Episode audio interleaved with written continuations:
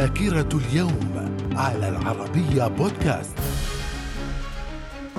أهلا بكم إلى ذاكرة اليوم الثامن من أبريل في العام 1879 حاكم مصر الخديوي إسماعيل يقرر طرد الوزيرين البريطاني والفرنسي من الحكومة الفرنسية. في العام 1904 توقيع الاتفاق الودي بين فرنسا وبريطانيا بخصوص تقسيم نفوذهما في الوطن العربي. في العام 1946 عقد آخر اجتماع لعصبة الأمم، وفي العام 1948 مقتل عبد القادر الحسيني في معركة القسطل. من الذاكرة ومن ذاكرة الثامن من أبريل في العام 1957 إعادة افتتاح قناة السويس المصرية أمام الملاحة البحرية بعد إغلاقها بسبب العدوان الثلاثي. في العام 1970 القوات الجوية الإسرائيلية تقصف مدرسة بحر البقر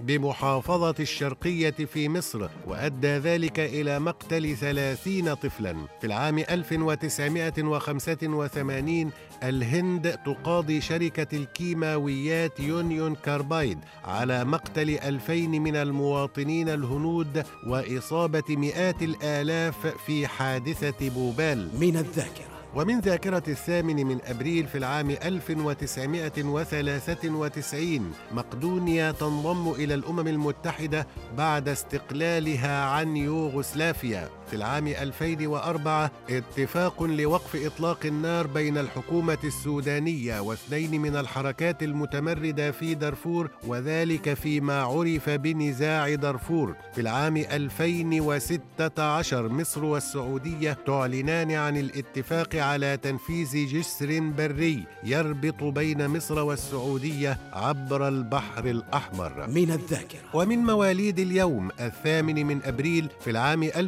1859 إدموند هوسرل الفيلسوف الألماني في العام 1875 الملك ألبير الأول ملك بلجيكا. في العام 1938 كوفي عنان الأمين العام السابق للأمم المتحدة. وفي العام 1954 ولد المغني اللبناني وليد توفيق. من الذاكرة. ومن وفيات الثامن من أبريل في العام 1973 بابلو بيكاسو الفنان الإسباني. من الذاكرة. إلى اللقاء.